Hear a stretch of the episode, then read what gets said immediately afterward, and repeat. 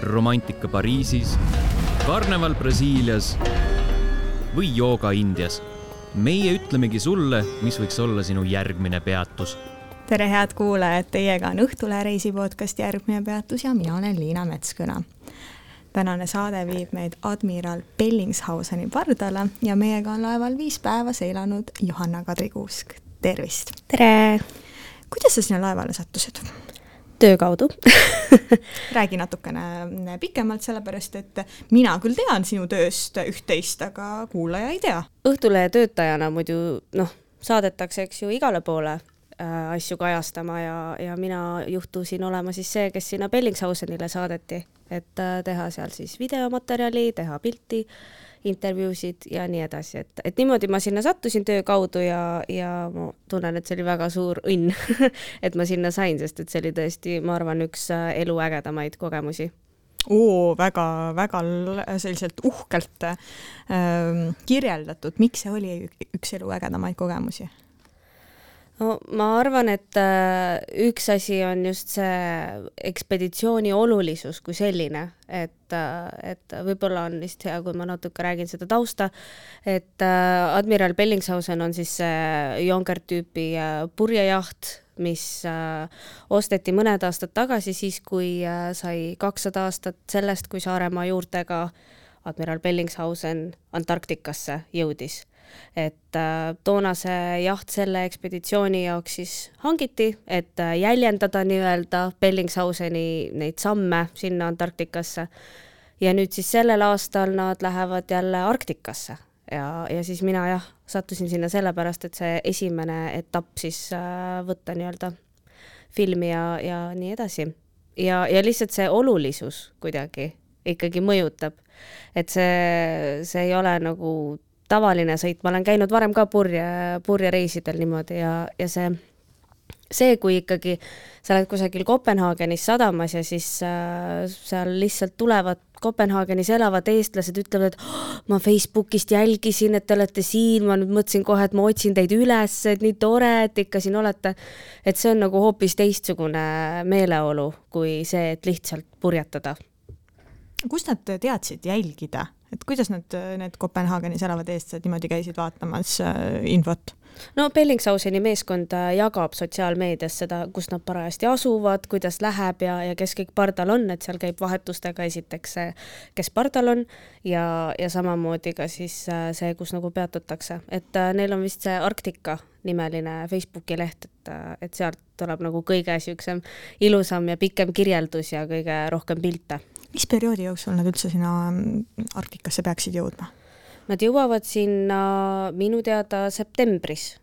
et, äh, et kogu see ekspeditsioon on selline, et ta, eks ju, algab siit Eestist, Sillamäelt sõideti välja juuni teises pooles ja siis nad äh, sõidavad niimoodi mööda Läänemerd, jõuavad siis, eks ju, Kopenhaagenini, siis sealt niimoodi lähevad juba kõrgemale Šotimaa tippu, siis Gröönimaale ja siis lähevad üle selle Kanada sealt ülevalt loodeväilast, et, äh, et see suve lõpp on nagu see ainus periood, kus seal on piisavalt äh, sulanud see jää, et üldse laevaga läbi pääseb.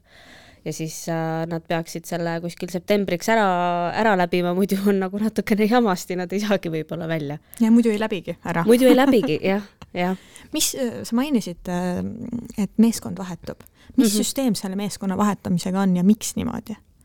No see ekspeditsioon ise on ju mitu kuud, et, äh, et eks ikka, kui sa oled näiteks kapten, siis ma usun, et äh, see võib olla väga vastutusrikas, et mitu kuud niimoodi järjest kogu laevameeskonna eest vastutada ja noh, olla see, kes kogu aeg neid otsuseid teeb, et see on kindlasti väga kurnav. ja, ja noh ma arvan, et see ongi üks põhilisi põhjuseid, aga noh, ma ütlen ausalt, mina selles suhtes ju seda korralduse juures seal nii palju ei olnud, mina lihtsalt sõitsin kaasa, et ma ei oska nüüd neid nagu täpseid asju rääkida. eks inimesed ilmselt tulevad ka oma tavapärase elu äh, juurest ära ja, ja, ja võib-olla ei saagi nii pikalt äh, pikalt olla, on ju. ja, ja no seal meeskonnas oligi noh, üks hästi armas mehaanik näiteks, kes just oli saanud esimest korda isaks ja tal olid siis niisugused kolmekuused kaksikud, kelle ta mitmeks kuuks niimoodi koju jättis. et äh, see võib olla väga raske niimoodi mitu kuud olla perekonnast eemal. no ometi ta oleks ju saanud öelda, et kuulge, sõbrad, ma seekord ei tule või ma tulen kunagi hiljem. no jaa, aga et siin ongi see dilemma koht, on ju, et kui on ikkagi kutse merele ka ja süda nagu tõmbab sinnapoole, et siis kuidas sa valid, see on iga inimese enda teha, eks ju mis need äh, tavapärased äh, perioodid on, et kas samamoodi nagu sinul, sa ütlesid viis päeva või ikkagi on natuke pikemad kui lihtsalt viis päeva? ei, no need võivad olla ka pikemad, kui sa ikkagi Taanist sõidad sinna Šotimaa tippu kümme päeva, siis sa seal vahepeal maha hüpata ei saa, vaata. et, äh, et seal kuidagi nad on nagu ära jupitanud need niimoodi ja siis, siis vahetuvad ja kui palju rahvast, kui palju rahvast on seal korraga peal? kaksteist, kolmteist inimest umbes. siis suhteliselt vähe. vähe jaa, muidugi mõtlesin, äkki on nagu rohkem. aga see, see ei ole ka nii, nii suur selles suhtes, see laev, et seal ei ole nagu nii palju seda asjatamist ja, ja niimoodi ka, et ega tegelikult ei olegi vist rohkem vaja. no räägime sellest, milline näeb välja elu seal laeval väga lahe väga lahe. ma olin tegelikult alguses täiesti šokis, kui ma sinna laeva läksin, seepärast et noh, ma teadsin, eks ju, et Bellingshausen, see on niisugune ikkagi uhkem laev ja et president meil on ikkagi sellega, eks ju, Antarktikas käinud ja seal esimesed, Antarktika esimese digiallkirja kõik andnud, on ju aga, aga kui ma enne seda sõitu korra läksin sinna piiluma ühe, noh, lihtsalt pressisin ennast ka mingisugusele intervjuule kaasa, et saaks laeva näha ikkagi. ja siis äh,, siis ma olin ikka jaa šokis, et äh, kui luksuslik see laev ikkagi on. et äh, tulebki välja, et see Jonkert tüüpi jaht, et ta nagu ongi selline, et äh, kõik nurgad on ilusti ümarad, sa ei löö ennast kuskile ära, sul on, eks ju, duširuumid on põhimõtteliselt igal kajutil. sul on äh, laeva ahtris siis selline suur ümmarguse voodiga, on ju, selline äh, nagu noh, kapteni kajut reederi kajut, mis ta, jah, reederi kajut ja, ja mullivann või nagu oh, vann. mis asja, mullivann või? vist oli mullivann, no igatahes vann on nagu ka laevas täiesti olemas, kui sa tahad vanni võtta ja noh, et see kõik on kuidagi nii ilus ja nagu sihuke puidust ja siis neil on seal kuskil lambanahad on niimoodi pandud, et sul on diivanil mugav istuda raamaturiiuli kõrval, noh, et on nagu sihuke hoopis teistsugune elamus kui see, mis, mis minu nagu kogemus on näidanud, et sa oled kusagil niimoodi klaustrofoobselt kitsalt kusagil vaata kinni et seal oli pigem niimoodi, et, et noh, et vaatame siis, et meil oleks ikkagi ilusad klaasid kõik, on ju, et me saaksime õhtusööki süüa kaunitelt nõudelt, mitte mingisugustest topsidest ja noh, ma ei tea, see kõik oli nii välja peetud ja selline, et mul oli kohe nagu see, et oh, eestlased nagu oskavad elada või noh, mul oli niisugune hea tunne kohe. veits nagu ähm, kruiisilaevale oleks sattunud või? natukene, aga, aga ta oli kuidagi erilisem ikkagi. noh, kruiisilaevale saab igaüks ja, ja sinna lihtsalt on ikkagi, pead olema valitud seltskond natukene küll, jah. no ma oleks tegelikult selle küsimuse küsinud hiljem, aga kuna sa ütlesid, et sul on teistsugune kogemus sellega, sa oled ju käinud äh,, minu üllatuseks oli see kaks aastat tagasi, kui sa käisid siinsamas podcast'is ja rääkisid mm -hmm. oma teisest äh, purjetamise kogemusest, ma olin täiesti mm -hmm. veendunud, see oli aasta tagasi, aga noh, eks ju yeah., mida vanemaks saad, seda kiiremini aeg läheb, tundub. ja, ja, ja. et äh, noh, need on, ma saan aru, täiesti erinevad kogemused sul mm. -hmm. võrdle neid, et, et vaata, Bellingshausen oli selline ja see teine oli niisugune, et äh, räägi sellest mulle okei okay., no alustuseks on juba see, et laevad on, eks ju, hästi erinevad, et äh, see eelmine trip äh, nendele, kes ei ole seda episoodi kuulanud. aga ma panen selle, kui mul meeles on, siis ma seon selle, äh, selle külge artiklina, et ja, siis saab kuulata teist ka. aga need, kes ei ole kuulnud või kes ei viitsi kuulata mind kaks episoodi järjest, et siis see eelmine oli selline väga-väga suur kolmemastiline laev, mis oli Hollandi laev ja millega ma sõitsin siis äh, Gdyniast äh, Poolast Tallinnasse, ka üle Läänemere, täpselt samamoodi nagu mul see praegune etapp oli üle Läänemere. Ja, ja see erinevus on lihtsalt nagu selles vist, et, äh, et laeva mahuga juba tulenevalt on meeskonna suurused erinevad, et seal Hollandi laeval oli ikkagi noh, mingi kolmkümmend, kolmkümmend viis inimest, aga Bellingshausenil oli, olin mina noh, kolmeteistkümnes nii-öelda et äh, juba see tekitab nagu äh, tunde, et äh, selle nädalaga sul on ikkagi niisugune intiimsem nagu perekondlik side juba tekkinud inimestega.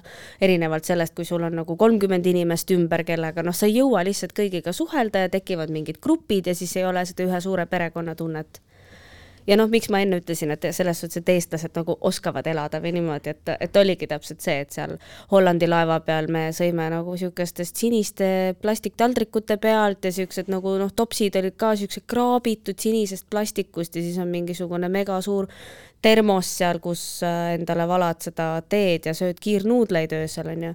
aga, aga siis seal Bellingshauseni peal ikkagi oli nagu see, et noh, esiteks sul on nagu oma kokk kes äh, äh, on siis noh, põhimõtteliselt koos Pootsmaniga kokku pannud ikkagi sellise nagu toiduvaliku sinna laua peale, et seal on hästi palju eestimaist, vaata ettevõtted tahavad toetada ka, siis nad on ise saatnud mingit eestimaist liha ja kõike.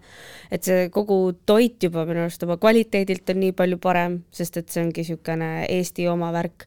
ja, ja siis noh kogu see niisugune väljapeetus ka, et kui sa ikkagi sööd nagu niimoodi, et sul on korralik äh, klaas laua peal ja, ja sul on ikkagi nagu ilus taldrik laua peal ja ei ole plastikkahvel, millega sa sööd seda, siis sul on ju nagu kuidagi väljapeetum tunne.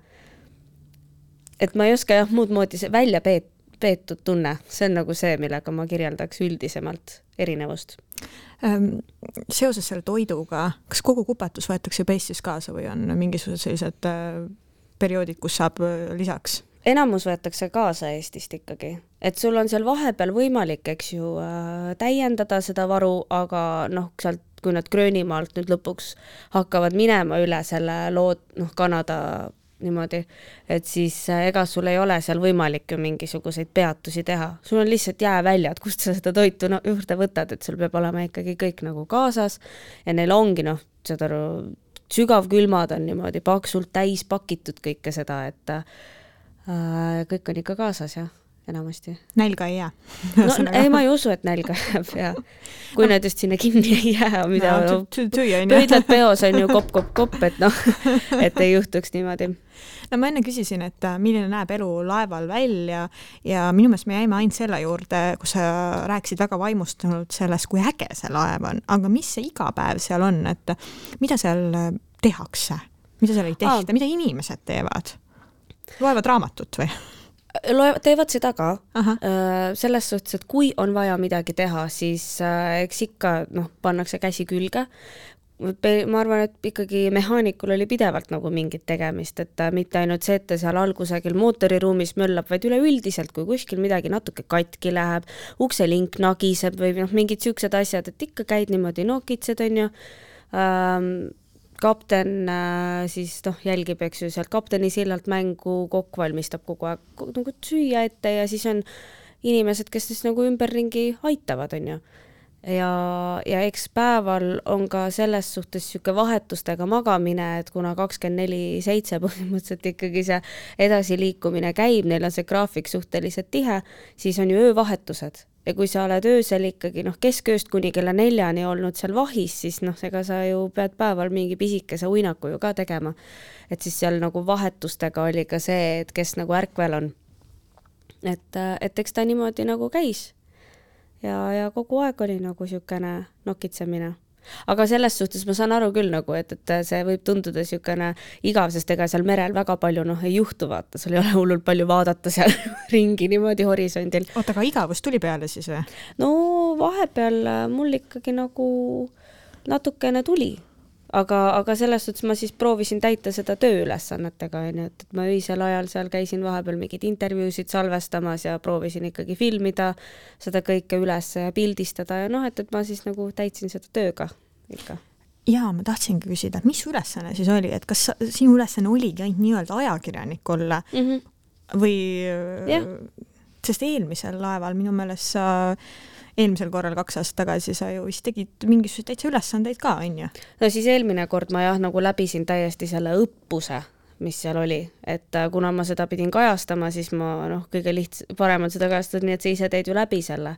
aga, aga see Bellingshausen oli jah, rohkem selline, et noh, et äh, inimeste taustu uurida, on ju, milline see meeleolu seal laeva peal üldse on, millised on need äh, vahepeatused ja kuidas meid seal vastu võetakse ja noh, et kogu, kogu see nagu kuidagi videosse saada.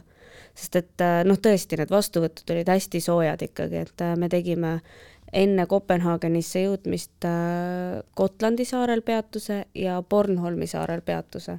ja noh, mõlemas sadamas ikkagi oldi nagu vastas, Bornholmi saarel tuldi suure Eesti lipuga veel vastu, noh et igasugused saadikud ja aukonsulid ja, ja noh, atašeed, need kõik nagu igas sadamas oli keegi vastas, kes nagu äh, ootas ja siis noh, kogu see oli nagu vaja kuidagi saada jäädvustatud kuidas ilmastikuolud teid soosisid selle, noh, sa, ma saan aru, et sa ju saad rääkida ainult sellest esimesest osast, kus, kus sina olid et...? ja, ja selles suhtes mul täiega vedas, et kui nad sealt Kopenhaagenist edasi läksid, siis tuli full on torm, eks ju, peale meil läks suhteliselt hästi, meil oli üks päev, kus äh, loksutas ja noh, siis ma olin terve päeva merehaige ka, aga muidu oli ilm ülihea. päike paistis ja, ja meri oli ikkagi suhteliselt rahulik ja sellepärast, et äh, ma jällegi mäletan seda eelmist, äh, eelmist korda, kus sa mm. rääkisid, et seal vist oli ikkagi päris äh, korralik merehaigus rahval. ja, ja, ja, ja noh, seekord oli ka niimoodi, et noh, minul oli see kõige hullem seal, aga oli teisi ka, kes, kes põdesid seda, just pisikesed. sest see oli selline etapp, kus oli hästi palju nooremaid nagu ka, ka seal pardal.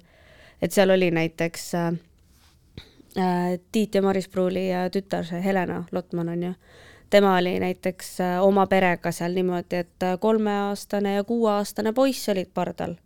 Ja neil näiteks oli natuke nagu halvem olla ja jah, nendel pisematel oli nagu hullem kuidas sinna seltskonda üldse pääseb, et äh, ära, ma ei, ma ei tea, ma tegelikult ka ei tea, mille järgi nad on äh,, on sinna kutsunud neid inimesi. korralikud tutvused peavad vist olema selle jaoks, et äh, nii eksklusiivsesse kampa saada. ja aga samas see projektijuht Tiit Pruuli on ka muidugi ülimalt nunnu nagu, et ta on selline, kes on väga avatud jälle, et ma saan aru, et, et näiteks kokk on ju kokk Erki äh, oli lihtsalt äh, Masterchefi saates, on ju, see Eesti versioon, ja siis Tiit lihtsalt mõtles, et no aga helistab vaata ja küsib, et kas tahab tulla. ja, ja lihtsalt niimoodi oligi.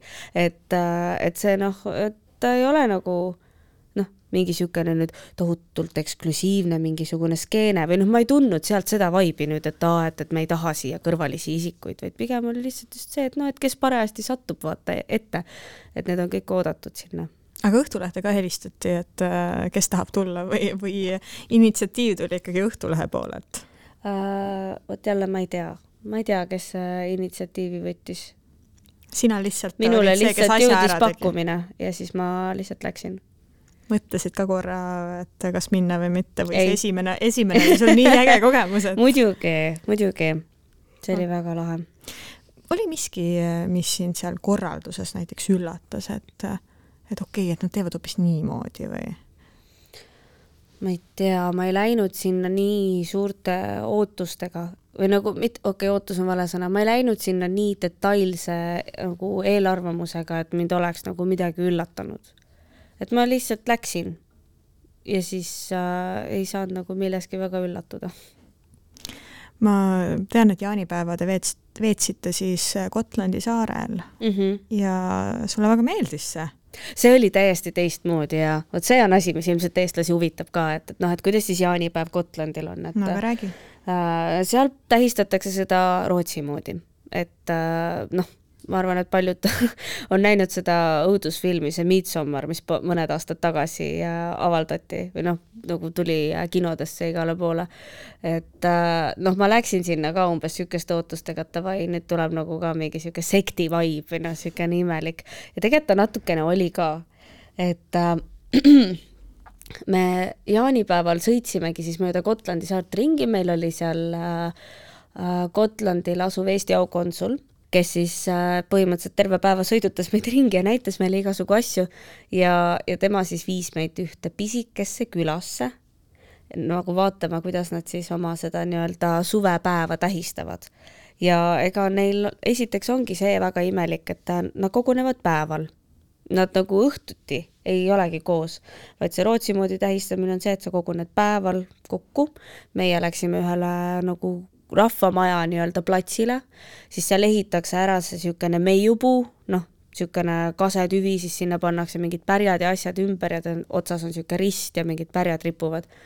et ehitakse see ära pannakse siis keskpäeval niimoodi püsti ja siis tantsitakse seal niisuguste ringmängulaulude saatel niimoodi, et kõik hoiavad käest kinni ja siis lillepärjad on naistel peas ja niisugused heljuvad suvekleidid ja niimoodi, et see, see oli kõik niisugune nagu väga, väga selle õudusfilmi sarnane aga lihtsalt äh, see, et seal kõrval on nagu mingisugune niisugune melu ja mingid pensionärikesed istuvad kusagil varjus ja, ja niisugune koduõlle maitsmine, et see nagu veits hajutas seda tunnet, et see on nagu õudusfilmis. et tegelikult oli väga tore mis seal õudukas siis äh, toimus? ma ei ole sa ei ole näinud, näinud seda või äh,? ma, sa räägid inimesega, kes on äh, kolmekümne kahe aasta jooksul näinud täpselt pool õudusfilmi. aa oh, jaa, sulle ju ei meeldi õudukad. jaa, mina ja, olen see, kes kardab õudukaid. okei okay,, siis ma räägin hästi detailselt sulle ära hästi detailselt räägi, räägi, räägi üldiselt äh,. Midsommari film, see on see, et mingisugune USA kamp sõidab siis ka Skandinaaviasse täpselt selleks, et seda Midsommar nagu püha näha. Ja siis äh, seal põhimõtteliselt ongi peategelane on üks äh, noor naine, kes läheb oma peikaga sinna kaasa ja siis noh, seal vahepeal on mingi suhtedraamad ja mingid värgid, aga noh, kui nad seal on, siis hakkavad mingid kahtlased asjad toimuma ja noh, põhimõtteliselt lõpuks seal on nagu mingisugune täielik äh, kaos, et inimesi umbes tapetakse ja siis seesama peategelasest tšikk on mingisuguses lillehunnikus niimoodi ka lillepärjaga ja vaatab, kuidas ta peika elusalt ära põletatakse seal kusagil ja samal ajal niimoodi natukene maniakaalselt naeratab ja nutab samal ajal ja, ja noh, et niisugune full nagu sekti vibe'iga film oli see. aga tegevus toimus Gotlandil või kus? ei, see oli ma arvan, et Rootsi oli see filmitegevus, aga noh, Gotland läheb Rootsi alla selles suhtes, et noh, vahet ei ole, vibe lihtsalt nagu oli see, et on Rootsi-pärane see niisugune püha ja jah ma korra mõtlesin selle peale, et huvitav, kas see tuleb niisugune ja ta veits oli, aga mitte nii hullusti. no sa oled mitu korda öelnud sekti vibe. no okei okay,, filmis, äh, film filmis, filmis on ju, aga sa, aga ma sain aru, et natukene ikkagi sa tajusid seda ka seal päriselt, et miks no eestlastel ei ole näiteks ju seda, et me umbes lõkke ääres äh, hoiame nüüd kätest kinni ja siis laulame kõik koos ja teeme mingisugust ringmängu, vaata. et äh, lihtsalt võib-olla eestlasena oli nagu natukene võõras vaadata seda lihtsalt, et see oli niisugune nagu noh, lihtsalt teistmoodi. et äh, see, et nad üldse lõket ei tee, see oligi nagu väga harjumatu, et äh, neil ei olegi kombeks äh, sellel pühal lõkkeid teha, nendel on hoopis see, et nad näiteks alati volbril teevad lõket aga nagu sellel suvepühal lõkke tegemine oli täiesti noh, mitte keegi ei teinud. ja siis oligi niisugune nagu, et okei okay.. oota, mille ümber nad siis käes kinni olid? Seesama meiupuu, mis püsti oli pandud. ma kuidagi enda peas registreerisin ära, et ümber lõkke vaata. ei, no ongi, eestlasena kohe sa mõtled automaatselt, onju. ja ka neil ei ole seda seal. Neil on hoopis see, et jah, et päeval tehakse see mingi asi ära, onju, kõik äh, pensionärid ja lapsed, noh, kõik, iga põlvkond on põhimõtteliselt seal koos ja siis õhtuti ollakse oma kodudes ja siis, kui ma jalutasin seal linna peal ringi, siis olid ainult äh, noored inimesed, kes olid väljas, mis oli niisugune väga noh noh, lahe oli tegelikult vaadata niimoodi, et jalutad seal mööda vanalinna tänavaid ja siis kuskil kauguses on mingites kleitides tüdrukud, kes lihtsalt jooksevad niimoodi lillepärjad peas kusagile niimoodi. et äh, jah, noored olid ainult õhtuti väljas. sellepärast, et ma mõtlen seda praegu, et Eestis ju tavaliselt jaanipäeva paiku sõidetakse maale igale poole erinevatesse looduskaunitesse kohtadesse, et mm -hmm. linn on mhm. puhta tühi. et seal ja... ei ole selline asi või? no ma, ma ei, ma ei tea, kui paljud seal siis nagu linnast välja sõitsid.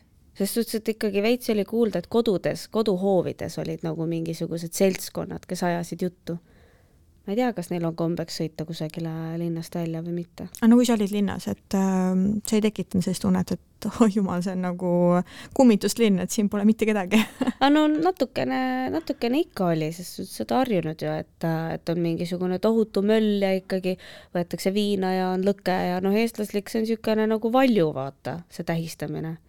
Neil on see niisugune nagu helge et äh, teed ja laulad seal natukene mingisuguse ehitud äh, risti ümber põhimõtteliselt ja, ja niimoodi.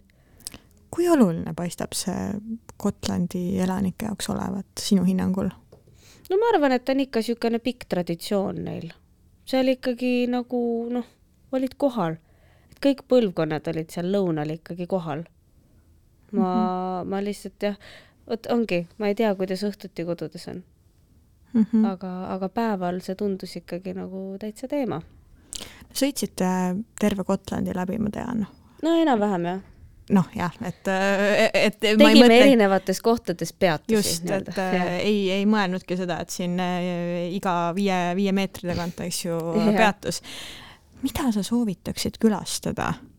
Mina, kui hakkasin seda saadet ette valmistama, mõtlesin, Jeesus, ega ma ei tea väga palju sellest äh, saarest midagi, et ei ole ka käinud, et võib-olla võiks hoopis minna sinna. ja äh, mina täiega soovitaks Gotlandile minna, seepärast et äh, noh, mulle juba see Gotlandi nii-öelda see pealinn, Visby, mulle see väga meeldis. seal on, neil on ka oma vana linn, mis on niimoodi müüride vahel. Ja see on täiesti äh, sür-, noh, kui minna, siis ma arvan, et suvel oleks eriti lahe, sest et ta, need on hästi kitsad tänavad, kõik majad on nagu nukumajad. Ja neil on siis niimoodi, et äh, neil on maja ees kohe, eks ju, hakkab siis nii-öelda see noh, tee, mis on, on ju laotud kividest, aga sinna on jäetud servadesse eraldi niisugused augud, kust suured roosipõõsad välja kasvavad niimoodi, et sa jalutad põhimõtteliselt nagu roosipõõsaste vahel terve aja ja siis see lõhn, mis sealt kõik tuleb ja niimoodi, et see vanalinn on hästi ilus. Ja, ja noh, ma nüüd ei oska sulle öelda mingisuguste autorendi hindade või niisuguste asjade kohta, aga sealt kindlasti saab äh, endale rentida auto ja ma soovitaks sellega ikkagi nagu ringi sõita ka natukene.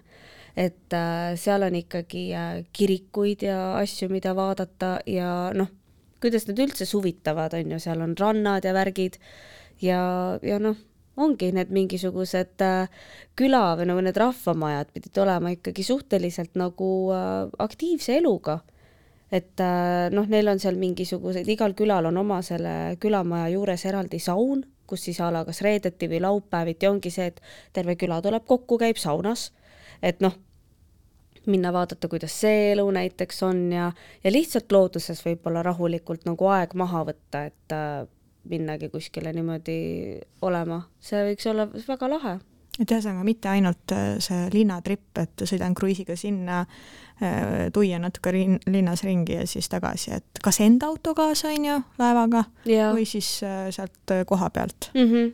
no just, et ku-, kuidas iganes, aga sellest saarest, ma arvan, saaks mingisuguse ikkagi nädala nagu niisugust mõnusat reisi ikkagi või?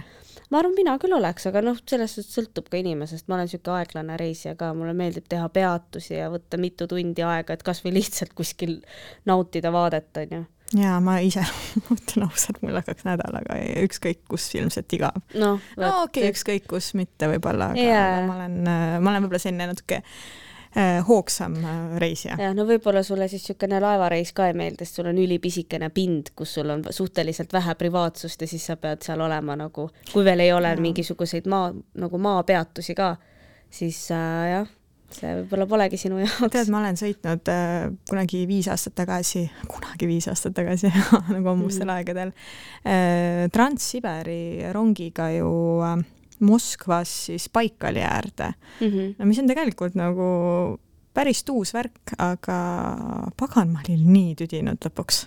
et äh, kui sa praegu niimoodi ütled, siis ma arvan, et tõepoolest, et võib-olla see laevateema ei oleks ka minule, aga ega, ega ei peagi igaühele ju olema lõppude lõpuks ju mm. -hmm. ja vot üks teema tegelikult, mis laeva peal nagu on tegelikult väga aktuaalne, ongi seesama privaatsuse küsimus et äh, eriti, kui sul on niisugune pisem laev, on ju, nagu Bellingshausen, et äh, isegi kui meid oli ainult kolmteist tükki, siis äh, noh, sul on suhteliselt raske ikkagi äh, võtta endale niisugust äh, oma hetke, kus sa oledki näiteks mitu tundi täiesti segamatult oma mingisuguses nurgas et äh, ikka on nagu see, et, äh, et keegi liigub sealt kusagilt läbi, on ju, mingisugused äh, lapsed tulevad, on ju, käivad sealt läbi, on ju, ja nii, et see, see privaatsuse asi on küll, millega peab ära harjuma. eriti ma kujutan ette, kui nad seal kusagil külmal äh, pooluse äärsel nagu alal on, et siis sa ei saa ju õue laevatekile ka hängima minna. vaid kõik ongi nagu toas veel koos, siis on see pind veel väiksem, kus sa olema pead et äh, see on küll nagu asi. kes seal vannis siis saavad vedeleda? Vannis olid purgisupid oota, mis asja, sa rääkisid mulle mullivannist ja seal mullivannis on ainult purgisupid? no seal jah, see on toidu hoiustamise koht ja, ja teadus, teadlaste jaoks, et proovida mingid topsikesed ja asjad ja see oli nagu seal. kuidas sa sellise detaili jätsid mulle ma mainimata, ma mõtlesin, et seal äh, põhimõtteliselt käib hull vannitamine kogu aeg aga ma mõtlesingi, mõtlesin, et nagu kohe ikka nii uhke asi, et no okei okay.. ei no tegelikult see vann jah, no Äh, Maris Pruuli, kes meiega kaasas oli seal, tervitus Marisele, kui ta juhtub kuulma, kuulama seda, aga Maris ütles, et nad korra proovisid selle vannis käimise ära ja ütles, et noh, et, et täitsa tehtav, aga ta on ju kusagil kajutis ilma akendeta võimalikult nagu kitsalt ikkagi tehtud niimoodi, et noh, see on niisugune natuke klaustrofoobne kauss ikka, milles sa seal istud, et et sa saad selle vannitamise tunde küll sisse, aga ega ta ei ole niisugune, et sa nüüd oled seal niimoodi, paned küünlad põlema ja mitu tundi loed raamatut ja naudid, vaata. no kuule, ega sul kodus eh, suure tõenäosusega ei ole ka vannitoas akent, noh, mõnel kindlasti on, aga noh, minul küll ei ole. aa, noh, jah ah, sul on vainn? ei, mul, mul ei ole kodus, kus ma üles kasvasin, seal oli okei okay,, no siis sa tead, millest rääkida, sest mina isegi ei mõtleks sellise asja peale mm, -hmm. vaata et äh, aga pesemisvõimalus oli siis teil muidu olemas? ja, ja see oli kõik nagu okei okay okei, okei. Äh, korraks Gotlandi juurde tagasi tulles mm, -hmm. tead sa, kui, kuidas üldse sa, saab siit Eestist sinna? Et äh, siin ju mingeid otse, otselaevasid ju tegelikult ei ole. vist ei ole jah. no mina leidsin ainult, noh ise küsin, ise vastan onju mina leidsin, et äh, üks kruiis on äh, suve hmm. jooksul, aga see läheb Helsingist ikkagi no aga see ei ole ju nii äh, no hull. ei ole, ei ole. siit Helsingisse läheb ju lihtsalt sutsakaga. Ja, ja, ja mõtlesin, äkki on nagu mingisugused sellised äh, tead, sellised oma, oma sadam kuskilt mm. -hmm. aga ma tean lihtsalt, noh, nii palju ma seal kuulsin, et äh, see on nagu seal purjetajate ringkonnas on nagu üks siukseid populaarseid nagu sihtkohti. see on täpselt see, et noh, et, et tahaks nagu veits merele, onju, aga et noh, ma ei tea, Saaremaale on nagu liiga vähe jälle sõita. et siis see Gotland on täpselt see siukene paras, vaata, et sa saad nagu selle mingi merel olemise tunde ikkagi sisse, aga samas äh, ta ei ole meeletult kaugel et, äh, et ma, ma ei teagi, kui palju seal eestlasi käib, kes nagu kruiisiga sinna sõidavad. et võib-olla see ongi niisugune saar, kus nagu peamiselt lähevad eestlased niimoodi, et nad on mingisugused purjetajad või purjetajate sõbrad ja siis koos nagu minnakse mm. -hmm. aga ühesõnaga tasub minna, võiks võtta. ja, ja mina läheks ikka kui, äh, kui ei ole olnud võimalust, siis äh, mina soovitan ikka inimestel minna. suurepärane, aitäh sulle selle vestluse eest! Palun, palun. ja järgmine peatus on eetris juba kahe nädala pärast. kuula meid üle nädalati kolmapäeval Õhtulehest, Spotify'st, SoundCloud'ist või iTunes'ist ja ära unusta meie podcast'i tellida